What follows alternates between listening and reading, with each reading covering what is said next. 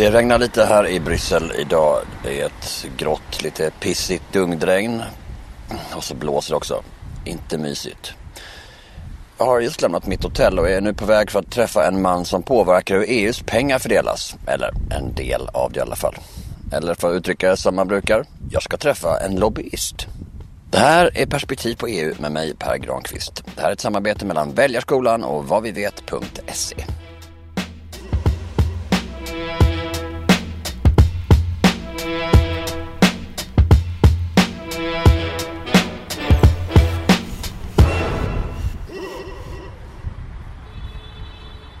Vänta, nu ska jag gå över här.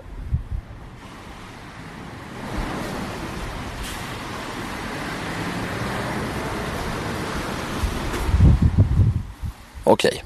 Om du är som jag har du säkert undrat hur mycket pengar EU egentligen styr över.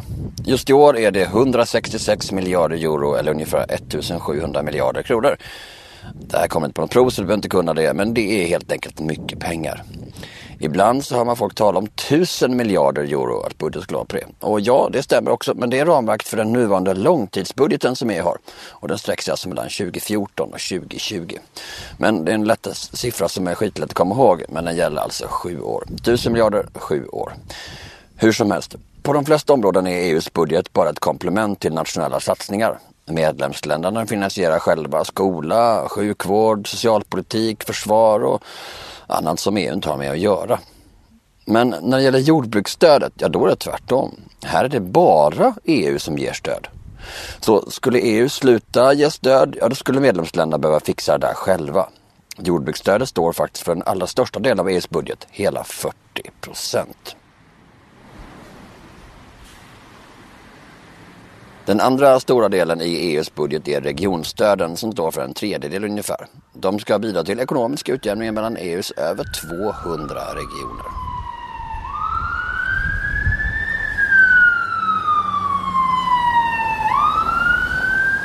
Blåljus, kom ihåg.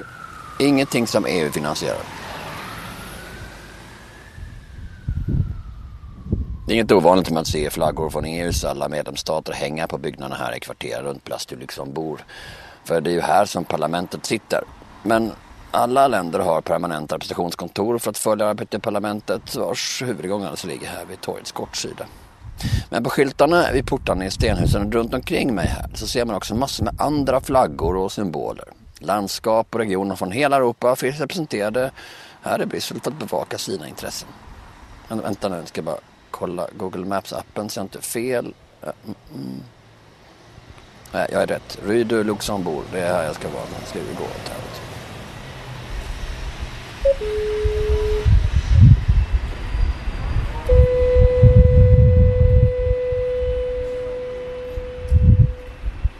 För att säkerställa att man får en del av de där regionstödspengarna jag pratar om så har de flesta av EUs regioner kontor här i Bryssel. Och många av de svenska regionerna sitter på ett och samma ställe. Nordic House, fyra kvarter från Europaparlamentet.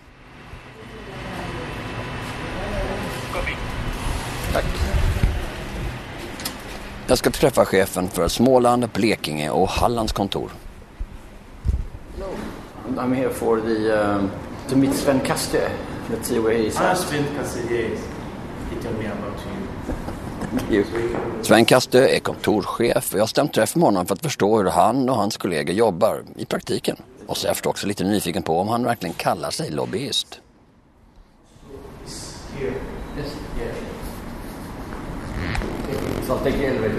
Yes.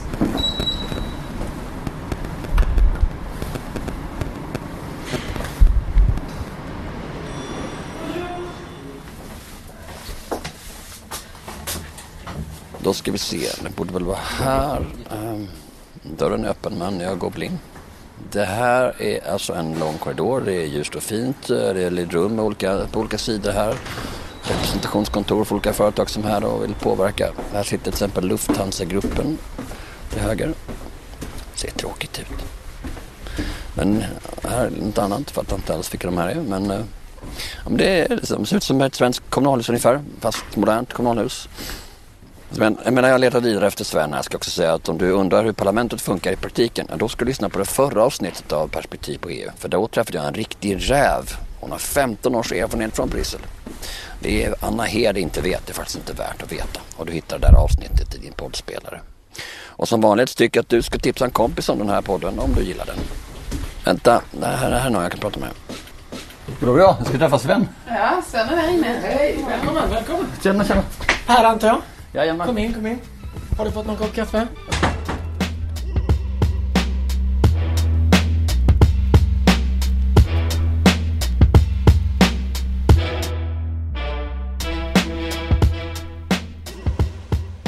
Du har sagt att den främsta uppgiften är att bevaka regionens intresse i EU-relaterade frågor.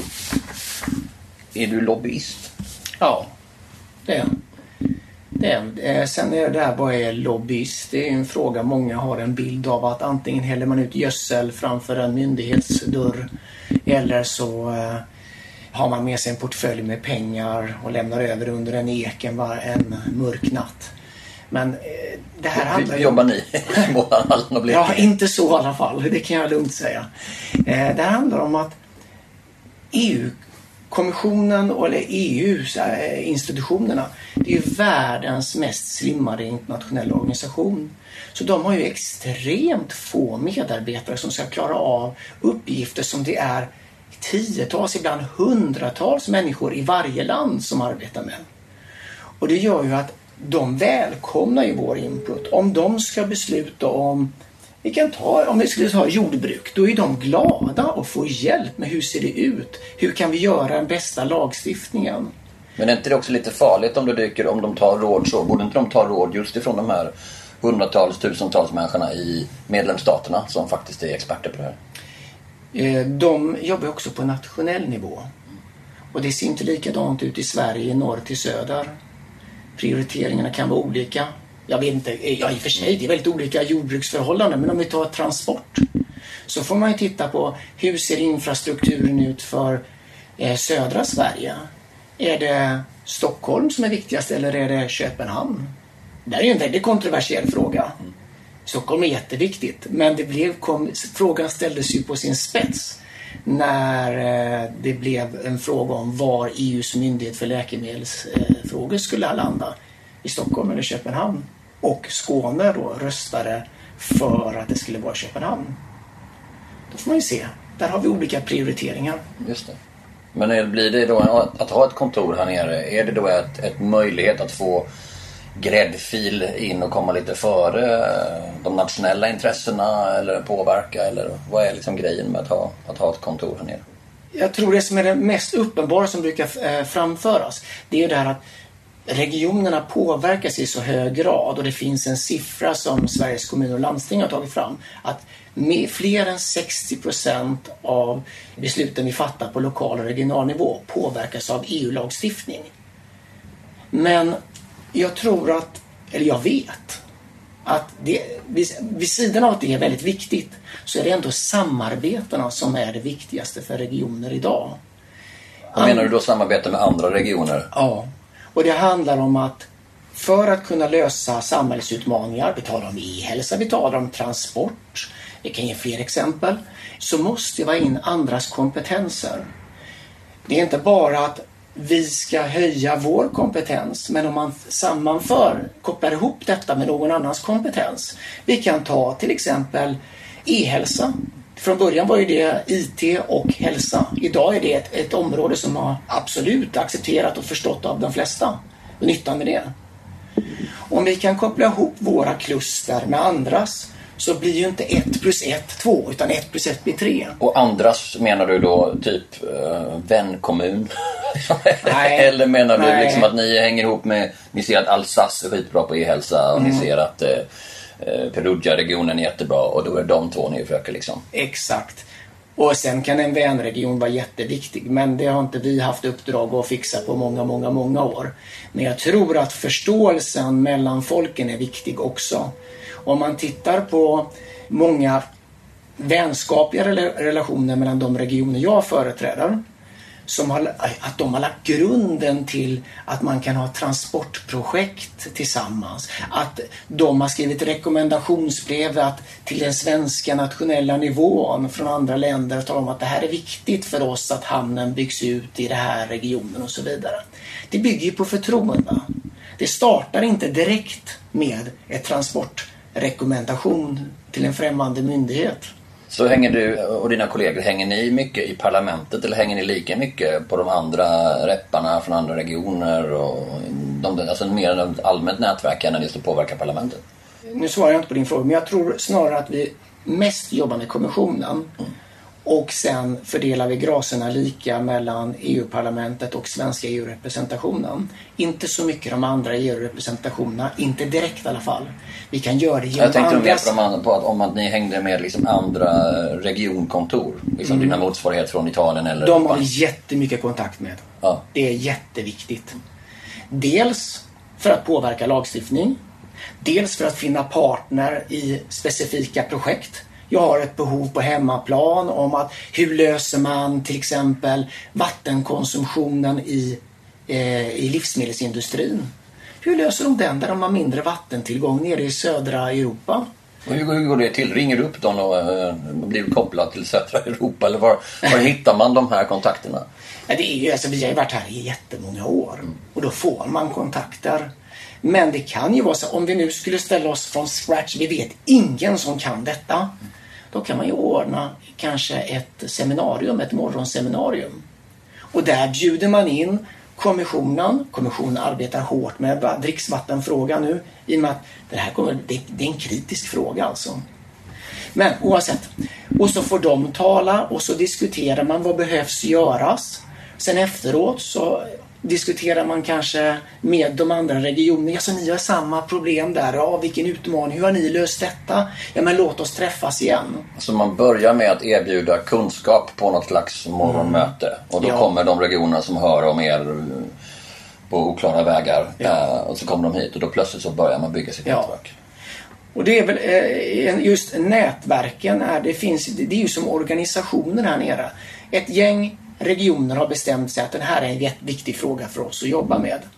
Då samlas man och eh, har seminarier där man bjuder in intressanta folk. Man diskuterar hur man själv ska jobba med det hela. Man skickar in åsikter från regionerna till kommissionen. Och det här, det är ju intressant. För det är precis, om nu du hade kunnat se den här linjen som jag ritar fiktivt i luften, så är, och det ska föreställa EUs beslutsprocess så ligger förslagen som kommer på bordet, de kommer någonstans i mitten. Och där, någonstans där omkring börjar svenska EU-representationen, alltså den svenska staten, jobba med frågan. Där får EU-parlamentarikerna frågan på borden. Inte innan förslagen ligger på borden. I princip är det så. Däremot är vi regioner extremt aktiva innan. Efteråt är vår möjlighet att påverka mycket mindre. Det går, men den är mindre. Så ni vill påverka, ni, om ni ska påverka parlamentet så gör ni det via kommissionen? Att påverka ja. dem? Vi har ju bjudit in dem till det morgonseminariet som vi talade om nyss i den frågan. De inser, oj, det här var viktigt. Jag trodde kanske en handläggare säger att det var bara Spanien som hade problem med dricksvattenförsörjning till slakteriindustrin. Men det hade ni också uppe i Norden.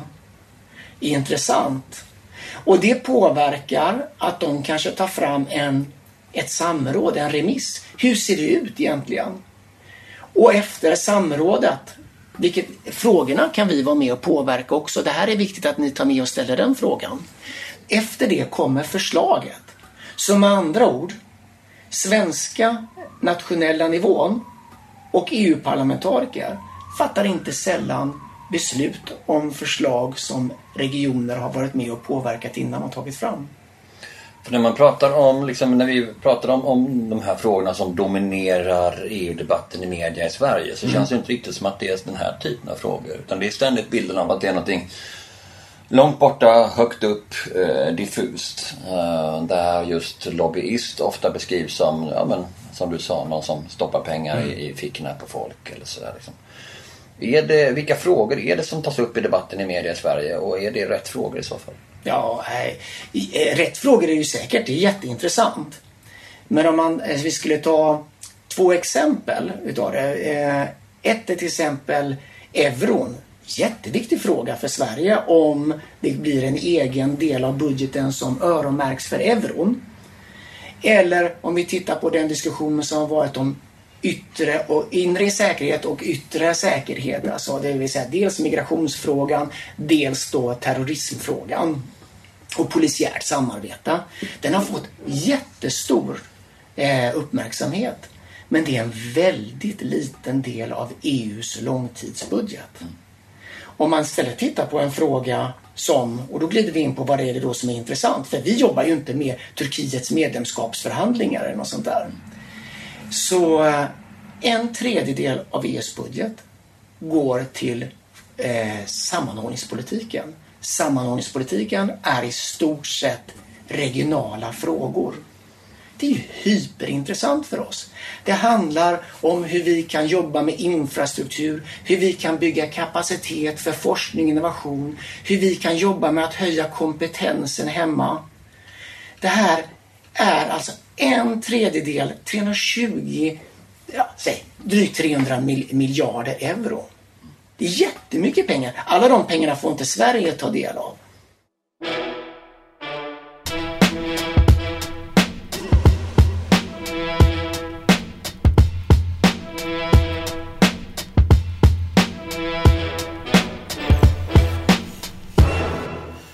Hur länge har svenska regioner och kommuner haft kontor här i, i Bryssel egentligen? Ungefär sedan 94-95. Och det har förändrats. I början visste man, kände man nog att vi borde vara här nere nu när vi är med i EU. Och hur vi skulle använda det var inte riktigt klart. Sen kom det en våg av att det som är nytta, det är pengar. Så vi ska, vi ska hämta hem massor med pengar. Och det, det fungerar ju inte riktigt så. Till att börja med så är det inte lika lätt att hämta hem pengar idag. Det krävs att man jobbar med lagstiftning, det krävs att man jobbar i samarbete med andra för att komma i fråga för de här pengarna. Mm. Men eh, vi och samarbete med andra inom EU för... tänker du då? Liksom? Ja, ja. För att du, du nämnde några regioner, kanske Italien, de har en kompetens och vi har en.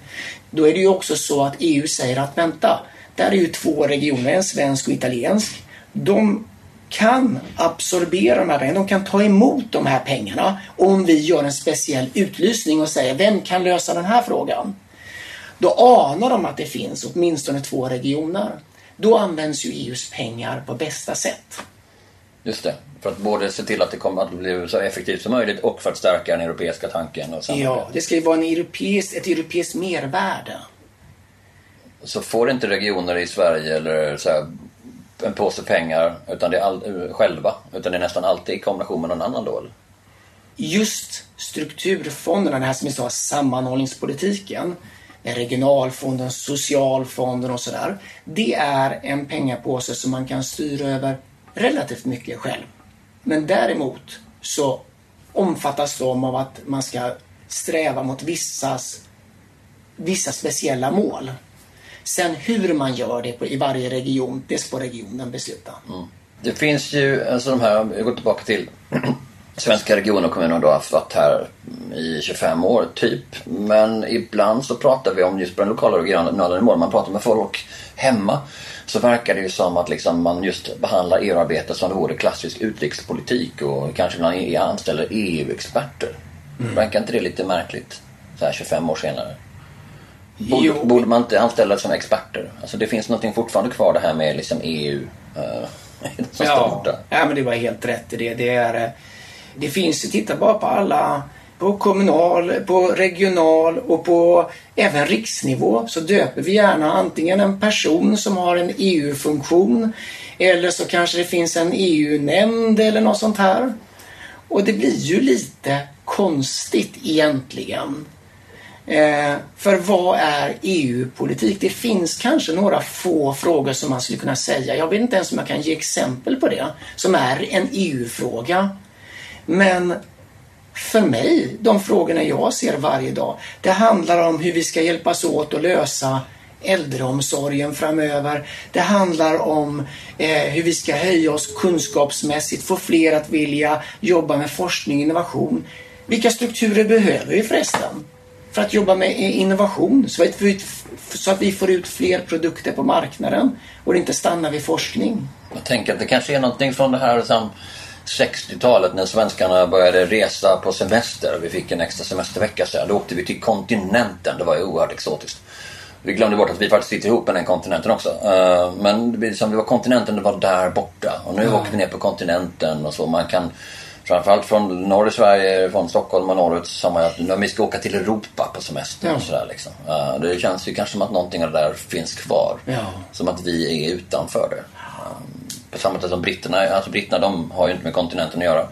Och de är ju konstiga uh, eftersom de lämnar nu. Men, men det finns ju någonting där som jag tänker kanske hänger kvar i det. Att vi bara översatt det till EU är där borta. Jo, det, det är kanske det som ligger till grunden. Men det blir ju väldigt märkligt. Om man tänker sig att det blir som en liten ond cirkel. Vi förväntar oss att höra vissa saker. Media rapporterar om de stora skeendena. Det som ungefär kan matchas av det stora som händer i USA. Och då blir det ju en, en organisation i många ögon som liknar EU, eh, FN. Förlåt mig. Och eh, det, det, är ju en väldigt liten del av det, men det är synd. Men du har sagt att man, du skrev någonstans, jag glömde var med att, att man måste förklara EU. Ska man göra det horisontellt istället för vertikalt? Vad menar du med det? Idag om man jobbar med hälsa, vad, vad är det? Är det utsläpp från trafiken? Är det eh, trafikdöd? Eller är det kanske så att det handlar om att hinna i tid till jobbet? Eller ska vi satsa på tåg? Och vad innebär det om vi bygger höghastighetsjärnvägar? Är det nya samhällen som byggs upp kring de nya stationerna och järnvägen? Hur påverkar det? Alltså, den är så mångfacetterad. Så att då skicka en fråga och säga ett, att det är en EU-fråga. Två, att det är en ren transportfråga. Utan för de som jobbar hemma i Sverige med transport eller hälsa så finns det en internationell aspekt, en EU-aspekt på det hela. Och om man inte tar till sig den utan hänvisar till sin EU-ansvariga, då tycker jag det är ett kardinalfel. Då är det ett systemfel om vi överlåter det till en person. Tänk motsvarande om vi hade sagt så här, nej du vet det där kommer från Stockholm, då har, det, får, det får eh, den personen som är ansvarig för rikspolitiken ta. Det, det hade vi aldrig kunnat sagt. Men det är också kopplat till den här att kunskapen om EU är så låg. Vi har sagt varit med i 25 år snart i EU. Mm. Och ändå är det det liksom. Jag vet att ni har ju praktikanter och sånt som kommer hit och jobbar på, på kontoret. Vet de vad, de kommer direkt från skolan, vet de vad EU är? De har en väldigt ganska hög faktisk kunskap och då menar jag med det så här, hur många eh, institutioner finns det? Hur många sitter med ledamöter i, eh, i EU-parlamentet? Men ta en sån sak till exempel att det är väldigt svårt för oss att förklara vad vi gör när väldigt få vet vad en region pysslar med. Mm. Vad de har för ansvar. Många av våra praktikanter som är då i sluttampen av sina statsvetarstudier, oftast är det statsvetare, inte alltid. De kan ju däremot det amerikanska systemet utan och innan och är väldigt väl uppdaterade. Men det som påverkar dem rent konstitutionellt, det har man en väldigt vag uppfattning om vad det är.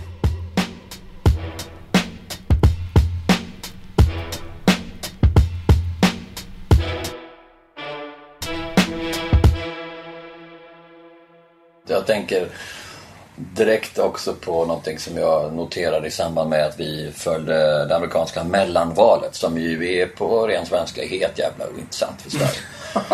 Påverkar oss absolut ingenting på något sätt. Liksom man kan försöka få till det och det kanske kan påverka det men i princip nej, ingenting. Och det amerikanska presidentvalet påverkar ju inte heller oss så jättemycket egentligen. Liksom. Och det som påverkar det rapporterar vi inte om. Utan det finns en, jag märkte det när jag var också jobbade på traditionella medier så, så var, fanns det den där vurmen att man vill åka till USA, man vill göra reportage. Mm. Någonstans som att det är elitserien. Vi är någon slags liksom halvsvenska eller jag är inte så sportbevandrad så mina analogier här haltar naturligtvis. Men, men liksom, det är liksom en lägre serie än amerikansk. Alltså man vill vara där för det är det stora, det är, liksom, det, det, det är VM. Um, och sen så hoppar vi över att det finns en, liksom en, en det har egentligen ingenting med oss att göra. Det är en helt annan sport. Det är vår sport borde snarare vara elitserien, borde vara EU eller vi borde förklara saker här. Liksom.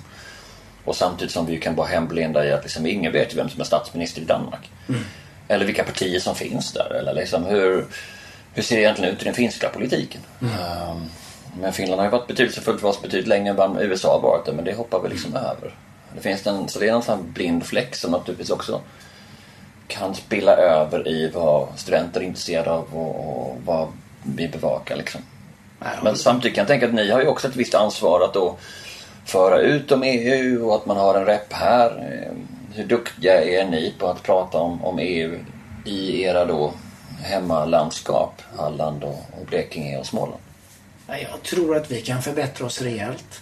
Det är ju lätt att även vi fastnar i enskilda frågor och kanske använder oss utav en, det som kallas för EU-lingo, alltså en jargong, vissa uttryck och sådär. Som blir naturliga för oss här nere. Men jag tror att pedagogiskt är det viktigt att vi från regionala representationer lyckas uttrycka det. Vad, är, vad betyder det här för dig hemma? Varför bör du bry dig?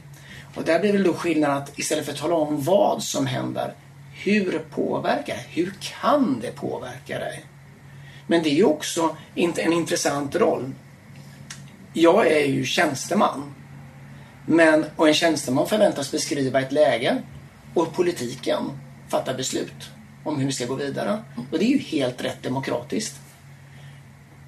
Samtidigt så ser jag här nere är det ju väldigt många tjänstemän som driver frågor. Och den måste jag ju rapportera om de här eh, skeendena fast det inte finns ett politiskt beslut. Och då får man ju bita sig i tungan. Det här är ju åt andra hållet, att inte informera. Att inte påverka för mycket här. Vi måste tala om vad som händer. Men vi får ju inte kliva in i en politikerroll. Men å andra sidan kan du ju beskriva de olika tänkbara scenarier och lämna till politikerna att sen ta beslut. Ja. För jag lyssnade på eh, några häromdagen här som var i eh, EUs revisionsmyndighet som hade gjort en utredning av liksom, eh, hur EUs biståndspengar i Afrika användes. Och då var det någon av parlamentsledamöterna, jag satt med på någon hearing, eh, som sa att ja men ni har ju bara följt pengarna. Ni borde titta på om det är rimligt att vi överhuvudtaget ger pengar till de här staterna. Liksom. Mm. Och eh, revisorerna sa att det är inte vår grej. Vi ska bara titta på pengarna. Vilket ju är helt rätt å ena sidan och också fel å andra sidan kan jag tänka. För man ska också se till att man följer EUs konstitution och där ska vi gynna det vi tror ligger i linje med de europeiska värderingarna. Så det kan, måste ju vara skitsvårt att navigera mellan de där. Ja, det, det, det, är verkligen svårt. För jag känner igen det du säger. Och jag känner också igen att när vi rapporterar om någonting som är, det inte finns ett förslag kring. Och det kan gälla till exempel hur EUs budget framöver, hur den ska se ut. Där kommer den påverka oss.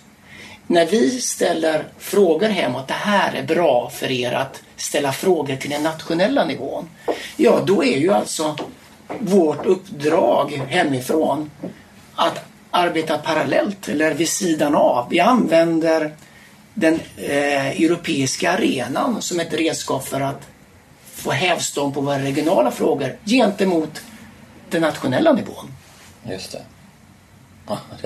Det går åt många håll. Det är lätt att tänka att, man, att det är som en eh, tårta. Det är någonting i botten, mm. någonting ovanpå. Men det är ju mycket mer pyttipanna över alltihop. Liksom. Ja, och, och, och men det här så låter det nästan som vi skulle vara i konflikt liksom med den nationella nivån. Det finns gånger då vi har olika åsikter. Mm. Det gör det absolut. Men här nere talar man ofta om någonting som heter Sverige AB. Och jag tycker det finns en väldigt god vilja till exempel hos den svenska nationella nivån. Och den har verkligen förbättrats under de åren jag har varit nere i Bryssel. Eh, där vi har regelbundna möten där vi stämmer av.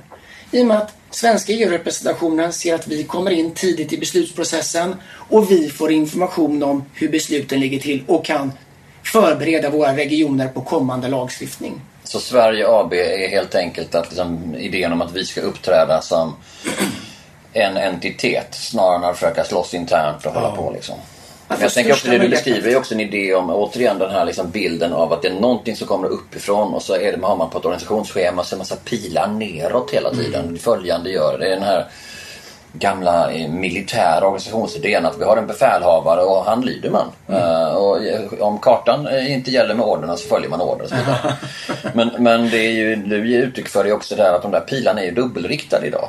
Absolut. Uh, och att det snarare är kluster som skickar information fram och tillbaka. Och ser man det så så blir det ju inte heller ett hot av att liksom okej, okay, här upptäcker då en reg ett som regionkluster som ni är i Småland, Blekinge och Halland. Då har ni upptäckt någonting som ni kan skicka till Stockholm som de sen kan ta vidare och liksom att det, att det kan gå flera vägar.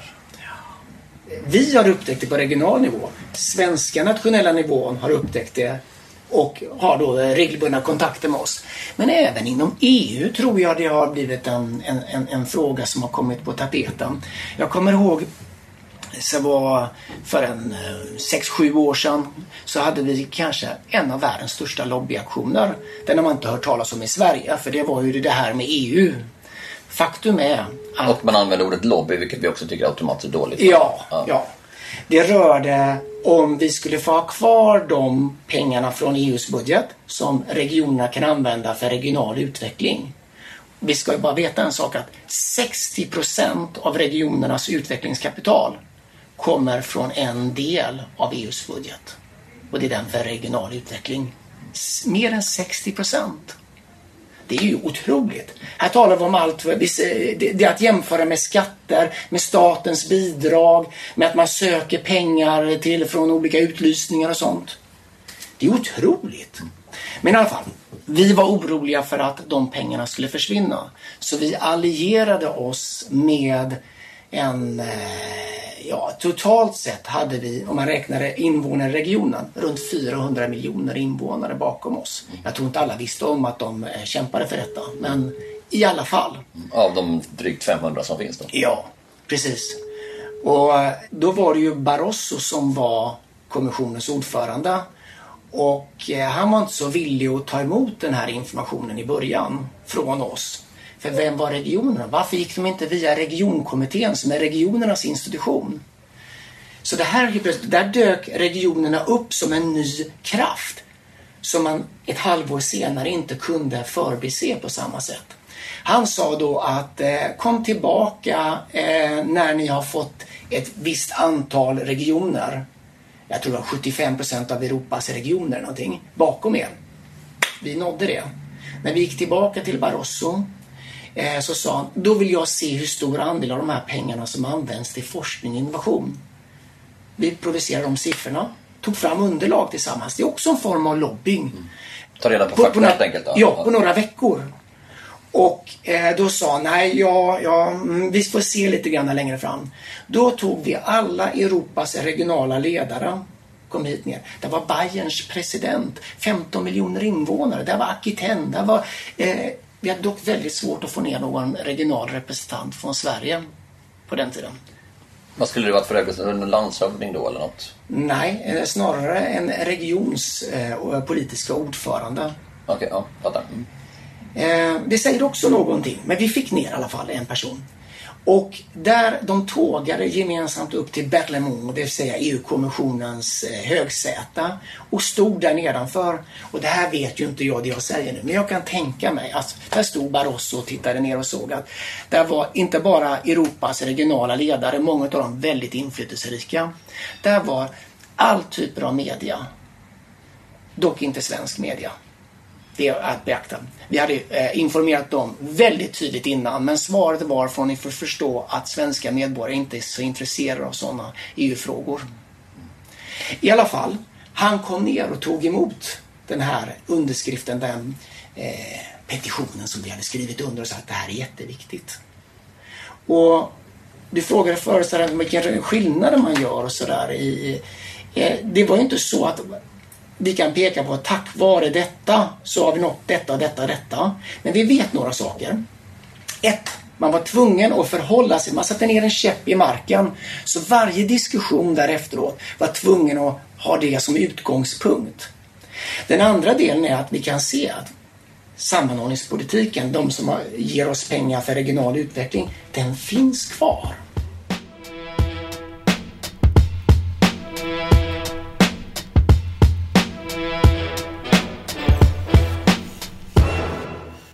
Ska ta, be dig om några råd till de som ska välja vilka parlamentariker man ska skicka hit till Bryssel eh, i EU-valet, vilka partier man ska rösta på. Så här, liksom.